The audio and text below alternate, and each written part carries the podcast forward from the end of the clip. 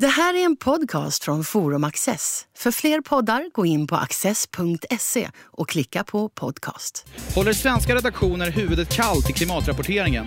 Och svek Sverige de apatiska flyktingbarnen? Till sist, vad händer när Kina blir en allt mer dominerande medieaktör? Det här är panelen på Bokmässan i Göteborg.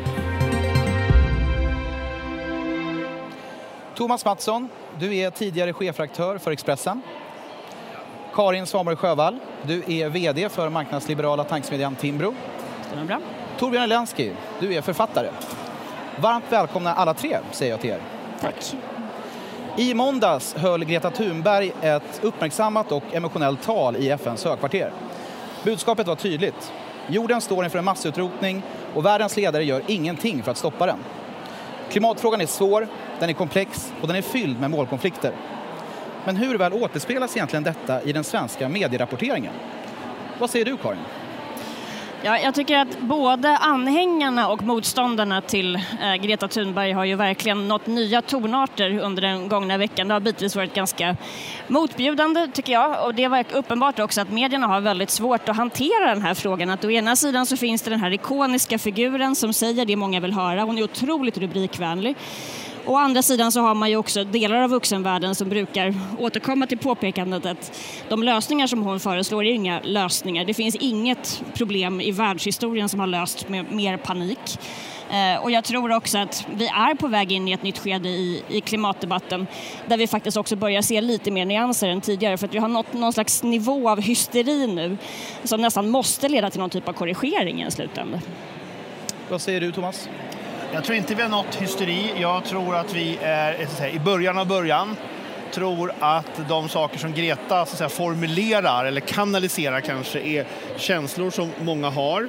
Eh, jag hörde Al Jazeera hade ett intressant tv-inslag här i veckan där man läste högt ur en artikel i New York Times som i princip skulle kunna vara skriven idag med de forskningsrön och den kunskap vi har idag. Men den var publicerad för 31 år sedan.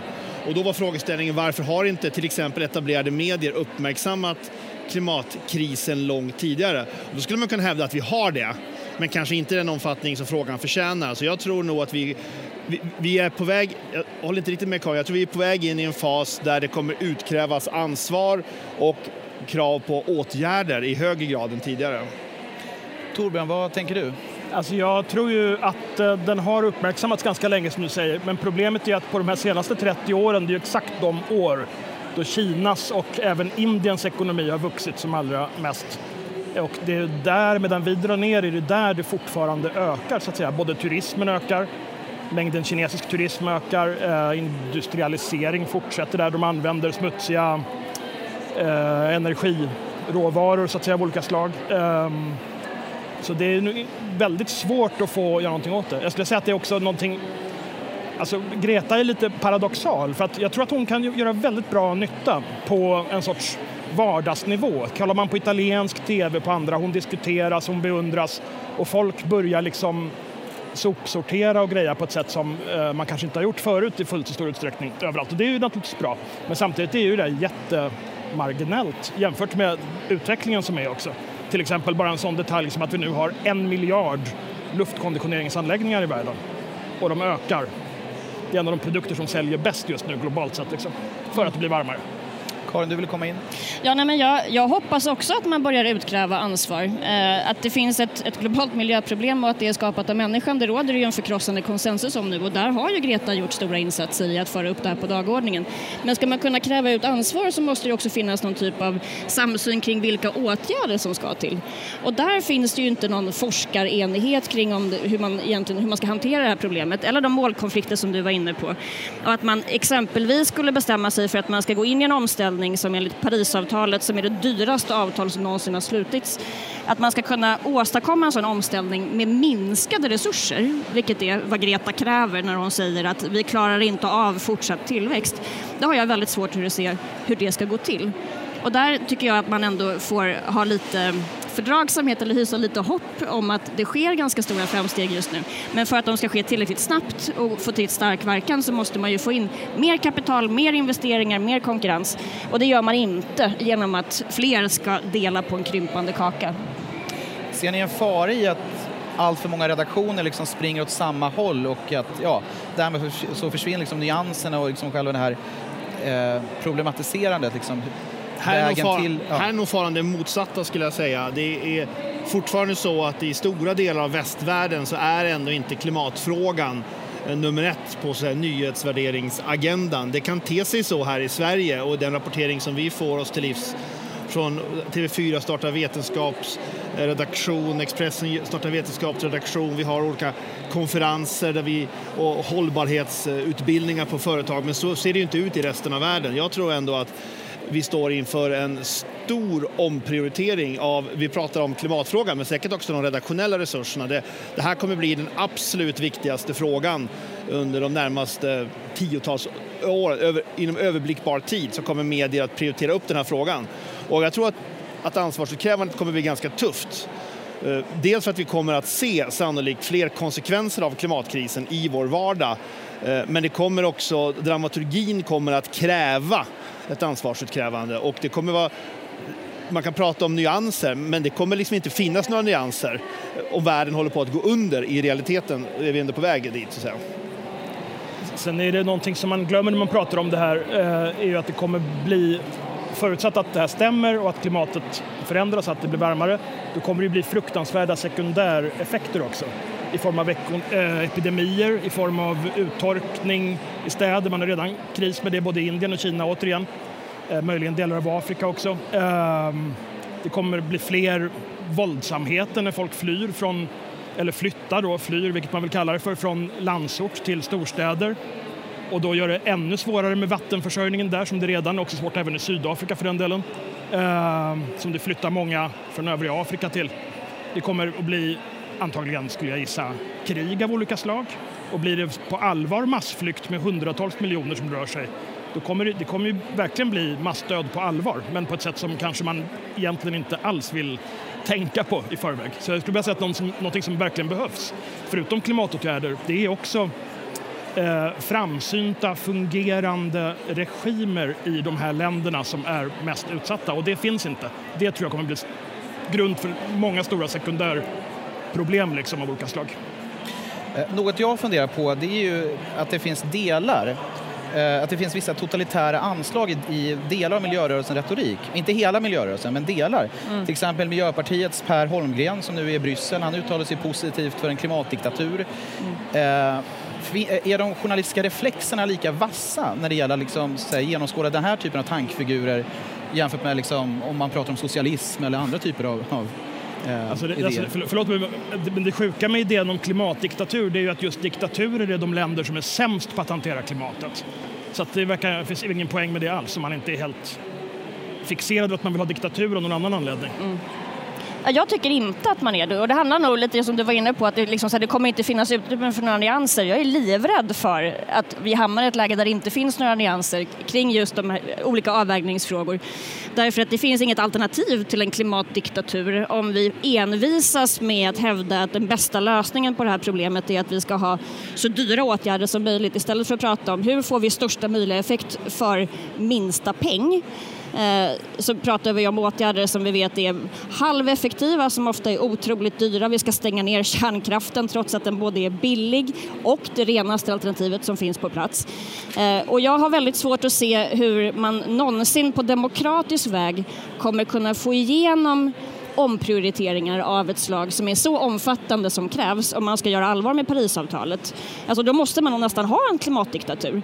Eh, och då tror jag att det finns bättre alternativ än den vägen att gå. Men där har ju medierna ett jättetungt ansvar i att ändå, utan att skönmåla, utan att ha några skygglampor kring tänkbara konsekvenser, faktiskt också se till den typen av målkonflikter. För annars så tror jag att vi kommer komma in i ett politiskt läge som kan bli väldigt besvärligt. Och där måste vi runda av och gå över till veckans andra ämne. I veckan publicerade magasinet Filter ett långt reportage om debatten kring de apatiska flyktingbarnen. Två personer, som idag är vuxna, vittnar om hur de tvingades att spela apatiska av sina föräldrar. I reportaget intervjuas också socialarbetare, läkare och tjänstemän som samtliga intygar att de har sett föräldrar tvinga sina barn att spela apatiska. Trots det vågade ingen kliva fram när debatten rasade som allra värst och än idag är frågan väldigt kontroversiell. Torbjörn, vad tänker du när du hör det här? Jag, jag, tänker att för det första så kan man ju egentligen inte dra slutsatser om allihop av två fall. Eh, det är viktigt att komma ihåg. Men däremot så tycker jag man kan dra mycket allvarliga slutsatser av de två fallen och inte minst eh, om hur rapporteringen gick till, hur stämningen var som gjorde att läkare som såg då de fall som var eh, uppenbart simulerade, att de inte vågade säga det ens. Vad har man för debattklimat, vad har man för samtalsklimat i landet då? Och det är också så att säga en generellt stort problem skulle jag säga kring många av de här eh, stora och växande frågorna, migration, klimat, vad du vill. Liksom. Eh, att det är som att man hela tiden kortsluter samtalet, debatten istället för att lyfta möjligheten att prata om svåra ämnen i tid. Är det här någonting som utmärker just det svenska debattklimatet eller vad säger ni andra? Nej, jag, jag, delar nog inte uppfattningen att debatten var så ensidig. Jag tycker mig nog ha läst och sett eh, ganska så högljudda åsiktsyttringar i den här frågan tidigare. Men det är klart att de enskilda fallen är naturligtvis fruktansvärda. Men, men jag tycker nog att det sätter lite fokus på en problematik för journalistiken. Det är klart att det är svårt att skildra Eh, ett sjukdomsförhållande som påstås vara diagnostiserat kanske inte är det. Men den här utmaningen har ju journalistiken när vi ska skriva om vårdnadstvister, äktenskapsbråk, eh, barn som vårdas eller utbildar sig hemma istället för att gå i skolan. Det är otroligt svårt för så att säga, journalistiken att tränga in bortom socialförvaltningens sekretess, familjens helgd och så vidare. Och det är otroligt svårt att förhålla sig till som, som, som journalist helt enkelt vara, förlåt mig, så ska det också vara att man måste ju respektera naturligtvis extra mycket när det gäller barn. Fast det borde ju ändå ha gått att eh, på något sätt tala med läkarna liksom, utan att prata specifika fall. De borde inte ha varit rädda för att säga att de såg att folk, att barn simulerade. Mm. Karin, har du några tankar? Ja, Alltså det var länge sedan jag blev så ledsen av att läsa ett reportage eh, och så otroligt obehagligt till mods. De här inifrån scenerna som man fick om, om familjer som medvetet svälter sina barn eh, med muskler som förtvinar på grund av att man inte får gå utanför rummet och så vidare. Det är väldigt svårt att hålla den typen av, av historier ifrån sig. Um, så jag tror nog att det finns fog för att säga att, att det nog var lite av ett tunnelseende kring den frågan som bidrog till att debatten blev som den blev. Men samtidigt så kan man ju vara lite orolig för att vi inte drar rätt slutsatser den här gången heller. För nu springer alla i den motsatta riktningen och utgår från att alla fall eh, är bara fusk. Det, är bara simulanter. Eh, det finns inga traumatiserade barn på riktigt. Eh, och då kan man ju hamna istället i ett läge där man säger att universallösningen måste vara att skilja de här barnen från sina föräldrar därför att det är uppenbart att det är föräldrarna som har iscensatt det här Eh, för barn som kan vara traumatiserade av andra skäl och där man faktiskt orsakar ännu större skada. Så jag tror att om det är någon läxa man ska ha så är det väl just det med att man måste hålla sig kylig även om det är svårt just därför att det är väldigt det är liksom omänskligt att förhålla sig kyligt till en historia som handlar om vanvård av barn eller barnmisshandel. Ehm, men jag tror att det är det viktigaste egentligen att ta med sig från den här historien. Att det är kanske viktigare än någonsin att göra det, det här väldigt polariserade liksom offentliga samtalet som vi har. Men jag tänker, bortom ett polariserat offentligt samtal så är det en så att säga, samhällskollaps om vi har tjänstemän i offentlig förvaltning som misstänker eller till och med ser missförhållanden mm. men som av olika skäl inte väljer att agera. Och det, och det beror ju inte bara på medier, det beror ju på så att säga, stämningen på arbetsplatsen. Ja, men det har ju ingenting med media Nej. att göra. Att en person som arbetar i, i, en, i en omsorgsverksamhet och har till uppgift att hjälpa eller vårda ja. andra människor, att den människan inte har civilkurage att påkalla liksom ett, ett, ett, problem om man ser det. Det, mm. det, har ju, det har ju mer att göra med ett tjänstemannaansvar eller någon sorts värdegrund som man har som medarbetare och anställd känner jag och ingenting med den offentliga debatten att göra. Mm. Ja. Så vad kan vi lära av detta? Vi kan lära att man, som, som ni båda säger, man måste vara mer kritisk och saklig. Liksom. Man måste förhålla sig lite kylig och ifrågasättande även i känsliga ämnen och när det gäller barn och sånt där. Det går inte att bara ta saker för givna, liksom, ett face value och samtidigt i någon mån försöka upprätthålla ett grundläggande förtroende för att det man läser och hör är sant. Alltså jag kommer att tänka på Peter Pomerantsevs den berömda boken som egentligen handlar om rysk desinformation. Det har ju ingenting med det här fallet att göra men han sa apropå att allt är möjligt och liksom ingenting är sant i praktiken och att det här är ju ett väldigt bra sätt att, att liksom fräta på samhällskroppen. Ifall det Absolut. sprider sig en allmän känsla av att ingenting jag hör är förmodligen sant så blir det också väldigt mycket lättare att, att uppvigla människor och att också leda politiken i helt fel riktning. Ja. Ehm, så det är väl den här liksom gungbrädet med å ena sidan kunna förhålla sig kritisk så att man inte står där med byxorna ner och känner sig lurad och å andra sidan inte hamna i den här totala relativismen att vi, att vi menar att det finns ingenting som fakta eller att man bara väljer Nej, det man men, liksom men man, men, så Redan journalisterna, journalistiken måste ju vara kritisk. Ja. Alltså enstaka läsare kan inte vara experter på alla ämnen utan man måste ju lita på att det finns liksom, att alla aspekter, relevanta aspekter kommer fram. Liksom. Mm. här kan man ju, vi har ju ändå för, vi, i, i, Sverige så har ju enligt alla undersökningar svenska medier väldigt högt förtroende och vi har också hög så att säga, genomslagskraft, alltså penetrationen eller räckvidden av etablerade medier är väldigt, väldigt hög. Till skillnad från en del andra faktiskt västländer. Mm. Eh, I ett sådant samhälle där det också råder ett, så att säga, ett rättssystem Eh, som fungerar, vi har demokrati. Då tycker jag att det är konstigt att, som visar sig i det här fallet, att människor som jobbar i offentlig förvaltning inte är redo att slå larm. Det är ju inte så att det hade varit svårt för någon att öppet eller via sin meddelarfrihet kontakta media och belysa den här problematiken då. Det här var ju ändå en, stor debatt i media. Folk stod ju i tv och satt i morgonsoffor och skrek på varandra. Så det här var ju en kraftigt polariserad fråga. Här råder det ju inte någon sorts konsensus. Nej. Här fanns det ingen liksom, någon sorts tystnadskultur, det här får man inte prata om, utan här var ju folk väl positionerade i, i olika fast, eh, ja. åsiktsyttringar. Fast låg lite nära till hands att de som var kritiska kanske faktiskt i en del fall var, men åtminstone anklagades för att vara rasistiska och främlingsfientliga och sånt där. Och det vill man ju inte råka hamna i Kanske speciellt inte om man är en socialt engagerad läkare. Liksom. Det, alltså det finns Ja. Det, alltså det framkom väl dessutom i just det här filterreportaget att det var så att Svenska barnläkarföreningen hade en, en, en särskild grupp som jobbade mot flyktingar som uppenbarligen hade utövat väldigt starka påtryckningar på om det var Socialstyrelsen att man skulle ta bort en skrivning som handlade om att man också skulle uppmärksamma huruvida det fanns skäl att misstänka mm. manipulation. Mm. Uh, så det, det fanns ju ganska många intressen som uppenbarligen hade ett intresse av att avföra den, den misstanken. Och det är klart att det gör ju inte livet lättare kanske för, för en, en, en person i den ställning att, att faktiskt slå larm om det om man inte heller upplever att man har liksom backning uppifrån. Så det är, väl så det, är den, det är väl den stora bilden men på ett privatmoraliskt plan så kan man ju tycka att det borde ligga ganska naturligt och ändå uppvisa en högre grad av, av civilkurage än ja, vad man uppenbarligen har gjort. I, I begreppet visselblåsare ligger ju att man blåser när ingen annan blåser. Ja. Mm. Pro problemet bara med att vara visselblåsare i Sverige, vilket jag tror upprepade undersökningar visat är att visselblåsare straffas.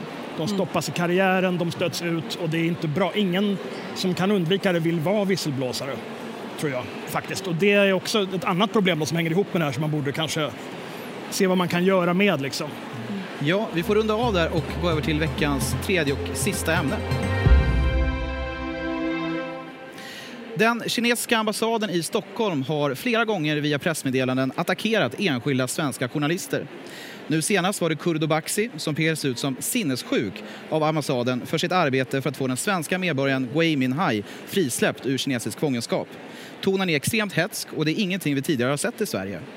Hur ska vi hantera Kinas försök att kontrollera den svenska yttrandefriheten i Sverige? Thomas, vad säger du?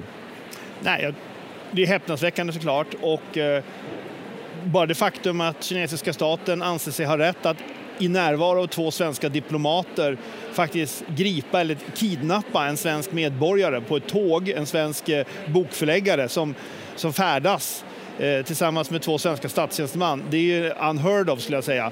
Och jag tror att det här är det, vi, det du syftar på nu, debattartikeln i Dagens Industri som Kinas ambassadör skrev, eh, debatt, eller annonsen i Dagens eh, Nyheter som Hongkongmyndigheten lät publicera. Det tror jag bara är exempel på att man inte alls förstår det offentliga samtalet i Sverige. Det här tror jag inte får något positivt genomslag för de kinesiska uppfattningarna utan tvärtom så sätter det här bara, som vi står här och gör nu, frågan på hur en diktatur förhåller sig till fria ordet. Och det skadar Kinas sak, att man inte på ett seriöst sätt kan diskutera de problem som Kina uppenbarligen har. Vad säger du Karin? Jag läste Jojje Olsson som är Kina-expert och som har jobbat som frilansjournalist i Kina i många år och som nu inte får komma tillbaka. Han har blivit svartlistad, han verkar nu från Taiwan och han skriver en blogg som jag läser ganska ofta. Och han hade ett ganska konkret förslag för ett tag sedan som jag tyckte var, var rätt bra på hur Sverige bör hantera det faktum att Kina överhuvudtaget nu lägger enormt mycket pengar på att bygga upp egna mediekanaler globalt sett. Att de lägger fruktansvärda mängder just på att köpa annonser av olika slag. Och att de har börjat med en typ av, av utåtriktad propaganda som de inte gjort tidigare. Och han sa att så länge det är så att kinesiska myndigheter trakasserar svenska medborgare eh, oavsett om, det är, om de har kinesisk bakgrund eller om det handlar om journalister eh, som Kurdo Baxi eller andra som nu blir utsatta Ja, då kanske det är så att man från svensk sida borde markera så hårt att man faktiskt kastade ut en del av de representanter för kinesisk stats-tv som nu faktiskt är verksamma här. Någon typ av markering tror jag vore, vore lämplig faktiskt, därför att de drar ju nytta av våra ganska mjuka samhällen. Och precis som den ryska regimen så får man också en känsla av att de testar gränserna hela tiden. De är inte riktigt lika sofistikerade, det är ju väldigt grovt. Ehm, men jag tror att de, de förstår nog inget annat språk än en, en mycket stor tydlighet från den svenska statsmaktens sida. Ehm, och då är det väl rimligt tycker jag att man, att man svarar gentemot liksom regimens faktiska representanter. I Storbritannien har faktiskt motsvarigheten till det vi i Sverige kallar för granskningsnämnden som ju övervakar i Sverige då att radio och tv-lagen följs. I Storbritannien så har den, den brittiska myndigheten börjat granska kinesisk statstelevisions bevakning av protesterna i Hongkong eftersom att den kinesiska statstelevisionen har ett sändningstillstånd och är tillgänglig då i, i, i Storbritannien. Och då tittar man på det, är det här verkligen opartisk journalistik? Kan man anse att det här är liksom propaganda? Och om det är det, då får man faktiskt inte sända längre. Jag tror, precis som Karin säger, att den typen av tydlighet måste man nog vara beredd att, att eh, bedriva här. Mm. Samtidigt är det väldigt svårt att stoppa sådana kanaler numera. Liksom. De kan ju sända via nätet och allt möjligt.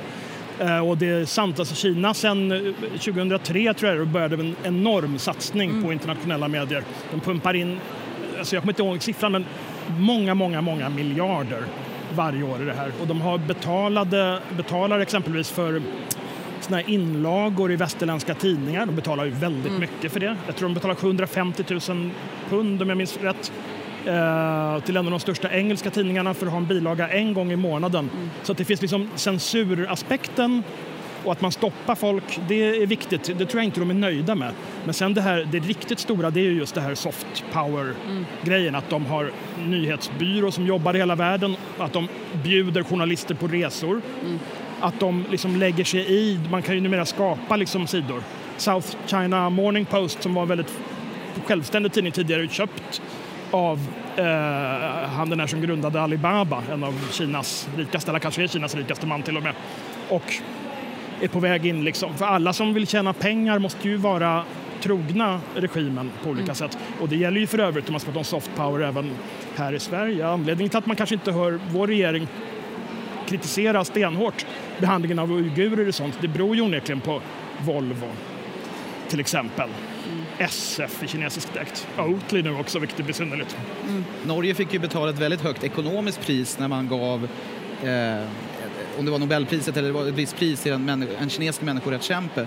Då blev ju relationerna bottenfrusta. Så att det, det finns uppenbarligen här en, en ekonomisk faktor. Som eh, absolut. En annan ekonomisk aspekt är ju det här med turismen. Och nu har jag inte kollat siffrorna, men vad jag har förstått så är det så att Sverige är det enda land i Europa där den kinesiska turismen minskar medan den stiger i alla andra länder. Nu kanske det av klimatskäl är bra att det kommer färre turister men ekonomiskt är det ju inte lyckat. Fast det var väl i sig ett ganska intressant och uppseendeväckande exempel på hur regimen har hanterat att de just ja. påstod i den där debattartikeln i Dagens Industri att det var så att just kinesiska turister skulle ha varit så vansinnigt illa behandlade i förhållande till andra turistgrupper i Sverige. Eh, och det visade sig också att uppenbarligen så är det här ett trick som de har kört tidigare för det finns ju liksom ingen fakta som backar upp att det skulle vara liksom att, att just kinesiska turister skulle vara värre brottsutsatta än, än några andra. Men, Nej, och det mäts ju inte så det går ju inte att kontrollera nej, åt något precis. håll. Liksom. Men, men uppenbarligen så har man gjort samma trick i andra länder. Så i Belgrad så har man haft liksom kinesiska poliser som har patrullerat. Ja. Eh, så så de, är, de är ju liksom otroligt fingerfärdiga och de är överallt i, i de här. Och sen är det klart att jag, jag, har inte, jag hyser inte heller några illusioner om att den svenska regeringen kommer att, kommer att vilja stöta sig allt för mycket med en handelspartner som, som växer i vikt både gentemot Sverige och på den globala nivån. Ehm, men jag tycker ändå att det är någon slags hygienfaktor att man Ja. någon gång ibland sätter ner foten. Och det gäller faktiskt även svenska medier. Jag tycker Dagens Nyheters hållning i, i just den här annonsfrågan har varit väldigt svår att förstå. Antingen Ja. så säger man vi är principiellt för yttrandefrihet, då tar vi in Sverigedemokraterna, vi tar in LO, som de har sagt nej till. Eh, och då kan man ta in det här också just med argumentet att det är bättre att vi ser hur de uttrycker sig så kan vi diskutera det. Eller så har man en annan linje, men den här har man hamnat i något jättekonstigt mellanläge som jag tycker är principiellt rätt knepigt att reda ut. Sen, sen, sen är det, förlåt, det är ju lite mysko tycker jag med debatt via annonser. Det borde man inte Ja. ha om det inte är i samband med val och sånt där. Jag tycker nog att opinionsannonsering är på sin plats. Det är inte så ovanligt faktiskt att olika organisationer, 90-konton argumenterar för sin sak. Ja, och för. Så att, det tycker inte jag är, det hör till i en så att säga, liberal pressfrihetstradition så ska man vara så tillåtande som möjligt. Naturligtvis inom ramen för tryck och yttrandefrihetsgrundlagar och kanske redaktionens egen förhållningssätt kring vissa rörelser eller vilken värdegrund som nu tidningen i fråga har. Men jag tycker att man ska försöka ha ett ganska öppet sinne till den här typen av annonser. Men det är viktigt att det inramas av en journalistik där man förklarar vad är det här för budskap, vad är sant och vad är falskt. Så eh, om du hade varit chefredaktör för Expressen, hade den annonsen som gick i DN kunnat gå i Expressen? Det tror jag. Jag hade nog publicerat den, men jag hade också publicerat intill den artiklar där jag hade satt in det här i ett sammanhang. Eh, där man hade förklarat att det här är en diktatur, de står inte upp för tryck och yttrandefrihet. De påståenden, om det nu finns sådana i den här artikeln, i den här annonsen, är, är, är rätt eller fel. Och så hade man försökt förklara, för att sätta in det här i ett sammanhang och de aspekter som vi pratar om här, att det här är liksom en global informationspåverkanskampanj som, som pågår. Jag tror till exempel att den kinesiska statstelevisionen håller på att anställa ungefär 300 journalister i London. 300! Ja. I en tid då västerländska medier är under strukturellt tryck för, på grund av digitaliseringen och minskat papperstidningsläsande. Så att generellt så minskar de journalistiska resurserna, men inte från de här staterna som är totalitära. Eh, emirer i Arabemiraten, eh, är ry- ryska RTL, RTV eller på säga, och, eh, och den kinesiska statstelevisionen, de rustar upp samtidigt som vi andra Ja. rustar ner i någon mening. Det är oroväckande. Det, det intressanta är inte bara att de anställer så många, det intressanta är att det tydligen var flera tusen som sökte jobben också. Alltså. Ja. Så det är toppfolk de kan välja och vraka bland. Liksom. Ja, och att man tror att det är kommersiella aktörer, men i praktiken så har de ju inga vinstkrav, vilket innebär att de också kan i praktiken konkurrera ut till exempel AP och andra kommersiella nyhetsbyråer, inte minst i fattigare delar av världen där människor är, är, är mer resurssvaga helt enkelt. Eh, Så att de, de påverkar ju den omställningen också och inte på ett bra sätt får man säga. Nej, och här sker det ju så att säga, rimligt under ytan ändå, via. Men om vi flyttar oss här på Bokmässan just nu så är ju David Isak-frågan aktuell i många montrar och i Afrika så är ju de kinesiska intressena antingen via staten eller via statskontrollerade bolag helt ogenerade. Där, Ja. där köper man ju upp hamnar, naturtillgångar, skriver långa kontrakt på ett sätt som vi kanske var med om att man skedde Ja. tidigt 1900-tal när europeiska och amerikanska företag koloniserade det som är Och man har, även, man, har, man har även möjlighet att sälja mediapaket där kinesiska televisionen är gratis eller billig medan BBC och sånt där är dyrare. Och det får bli veckans sista ord. Stort tack för att ni var, för att ni var med oss och tack för att ni har tittat.